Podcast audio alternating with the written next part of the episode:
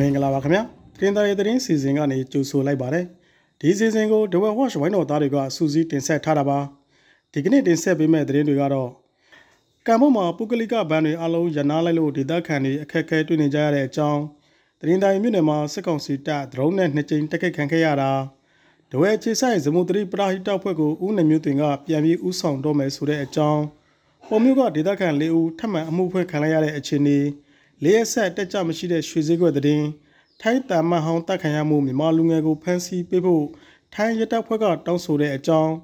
ချင်းမိုင်မှာအုပ်စုဖွဲ့ရန်ဖြစ်မှုမြန်မာလူသား6ဦးဖမ်းဆီးခံရတဲ့အခြေအနေစတဲ့သတင်းတွေပဲဖြစ်ပါတယ်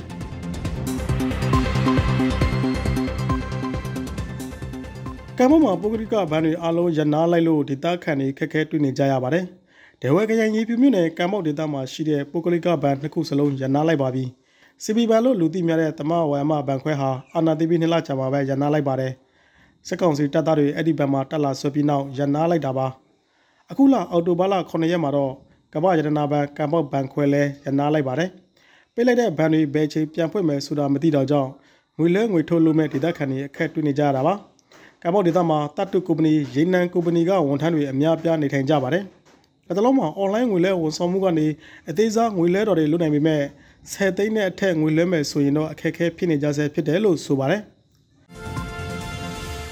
တရင်တိုင်းမြို့နယ်မှာစစ်ကောင်စီတပ်ဒရုန်းနဲ့နှစ်ကြိမ်တက်ခတ်ခံခဲ့ရပါတယ်။မြစ်ခရိုင်တရင်တိုင်းမြို့နယ်ကမ္မလိုင်းရွာခြေဆိုင်စစ်ကောင်စီချင်းမြန်တပ်ရင်း958တက်ခတ်ခံခဲ့ရတာဖြစ်ပါတယ်။ပြည်သူ့ကာကွယ်ရေးပူးပေါင်းဖွဲ့ရဲ့ဒရုန်းတိုက်ခိုက်မှုကြောင့်တပ်ရင်းတွင်ပောက်ကွက်ခဲ့တဲ့ဆိုပေမဲ့ထိခိုက်မှုကိုတော့မသိရသေးဘူးလို့ဆိုပါတယ်။စစ်ကောင်စီဘက်ကလည်းလက်နက်ကြီးနဲ့ပြန်လည်ပစ်ခတ်တိုက်ခိုက်ခဲ့ပါတယ်။အော်တိုဘာလ10ရက်ဒရုန်းနဲ့တိုက်ခိုက်မှုအပြီး နောက်တနေ့အော်တိုဘာလ17ရက်မှာတော့စစ်ကောင်စီတပ်ကသဘောလေးရွာနောက်ကိုစစ်ကြောင်းထိုးနေလို့နှစ်ဖက်စစ်ရေးတင်းမာနေပါတယ်။တဝဲချေဆိုင်ဇမိုတရီပရာဟိတဖွဲ့ကိုဦးနိုင်မျိုးတင်ကပြန်ပြီးဥဆောင်တော့မှာပါ။ဇမိုတရီအဖွဲ့ဥဆောင်သူဖြစ်တဲ့ဦးနိုင်မျိုးတင်ဟာစက်တင်ဘာလ16ရက်က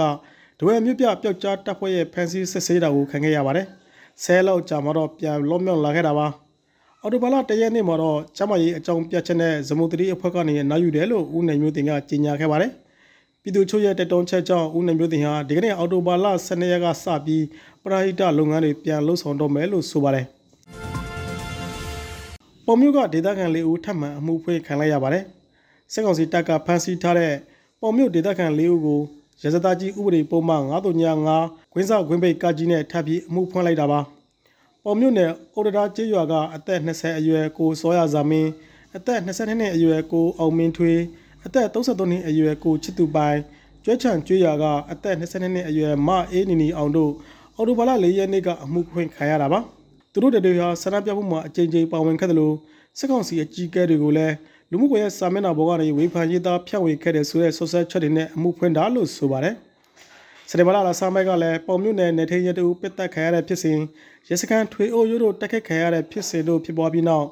ဒေသခံ15ဦးထက်မနည်းကိုစစ်ကောင်စီတပ်ကဖမ်းဆီးခဲ့ပါတယ်။ဖမ်းဆီးခံရသူတွေနဲ့မြို့သမီး4ဦးနဲ့မြို့သား2ဦးကိုအကြမ်းဖက်မှုဥပဒေနဲ့စစ်ကောင်စီကတရားစွဲဆိုခဲ့ပါတယ်။တဝက်ဈေးကွက်ထဲ၄ရက်ဆက်အခောက်ရွှေဈေးညင်နေပါတယ်အခောက်ရွှေဈေးတစ်ကြက်သားကို34သေးကြစောစောလေးမှာအတက်ကြမရှိပဲ၄ရက်ဆက်ဈေးညင်နေတာပါဒီကနေ့တဝက်ဈေးကွက်ထဲတစ်ကြက်သားကို34သေး1000ကျပ်ဝန်းကျင်နဲ့ဈေးဖွင့်ထားပါတယ် ထိုင်းတမန်အောင်တက်ခံရမှုတန်တရားရှိတဲ့မြန်မာလူငယ်ကိုဖမ်းဆီးပေးဖို့မြန်မာရဲတပ်ဖွဲ့ကိုထိုင်းရဲတပ်ဖွဲ့ကတောင်းဆိုထားပါတယ်ဒေးမန်နိုင်ငံဆိုင်ရာထိုင်းတမန်ဟောင်းတဦးကိုတပ်ဖြတ်တယ်လို့တန်တရားရှိတဲ့မြန်မာလူငယ်ဟာမြန်မာနိုင်ငံကိုထွက်ပြေးသွားတယ်လို့ဆိုပါတယ်။အဲ့ဒီလူငယ်ကိုဖမ်းဆီးပေးဖို့ထိုင်းရဲတပ်ဖွဲ့ကမြန်မာစစ်ကောင်စီလက်အောက်ခံရဲတပ်ဖွဲ့ကိုအကြောင်းကြားတောင်းဆိုလိုက်တာပါအော်တိုဘလာ10ရက်ရက်စွဲနဲ့အကြောင်းကြားထားတာလို့ထိုင်းသတင်းဌာနတွေမှာဖော်ပြထားပါတယ်အသက်19နှစ်အရွယ်မောင်ဆဲမြတ်မိုးဆိုတဲ့မြန်မာလူငယ်ဟာ ဘန်ကောက်မြို့မှာတာမန်ဟောင်းကိုစက်တင်ဘာလ29ရက်ကတပ်ဖြတ်ခဲ့တဲ့ဆိုတဲ့တန်တရားနဲ့မှုခင်းတရားရုံးကဝမ်ထုတ်ရှာဖွေနေတာပါမောင်ဆဲမြတ်မိုးဟာရှမ်းပြည်နယ်မိုင်းရှုမြို့ဇာတိဖြစ်တယ်လို့ဆိုပါတယ်ထနိုင်ငံချင်းမိုင်မှာအုပ်စုပွဲရန်ဖြစ်တဲ့မြန်မာလူသား6ဦးအော်တိုဘာလ10ရက်နေ့ကဖမ်းဆီးခံခဲ့ရပါတယ်။အခက်ဖြစ်နေရကလုံချွေရေးကင်မရာ CCTV မှတ်တမ်းကိုစစ်ဆေးပြီးအသက်16နှစ်နဲ့အသက်19နှစ်အရွယ်မြန်မာလူငယ်6ဦးကိုသူတို့လုတ်ကင်နေတဲ့ဆောက်လုပ်ရေးလုပ်ငန်းခွင်ထဲဖမ်းဆီးခဲ့တာလို့ဆိုပါတယ်။ စူးစမ်းမှုတွေအရတစ်ဖက်နဲ့တစ်ဖက်ချင်းဆိုရန်ဖြစ်ခဲ့ကြတာလို့ထိုင်းသတင်းတွေမှာဖော်ပြထားပါတယ်။ရန်ဖြစ်ရမှာပါတဲ့ထိုင်းနိုင်ငံသားတဦးလည်းဒဏ်ရာရရှိခဲ့ပါတယ်။အဲဒီမြန်မာလူသမားတွေကိုတော့အခြားသူတွေဒဏ်ရာရအောင်ပြုလုပ်မှုအများပြည်သူရှိဓာတ်ကင်ဆောင်မှုတွေနဲ့အရေးယူထားသလိုအလုပ်လုပ်ခွင့်လက်မှတ်တွေကိုတင်စီပြီးနေရပြန်ပို့ရခံရနိုင်တယ်လို့ထိုင်းသတင်းတွေမှာဖော်ပြထားပါတယ်ခင်ဗျာ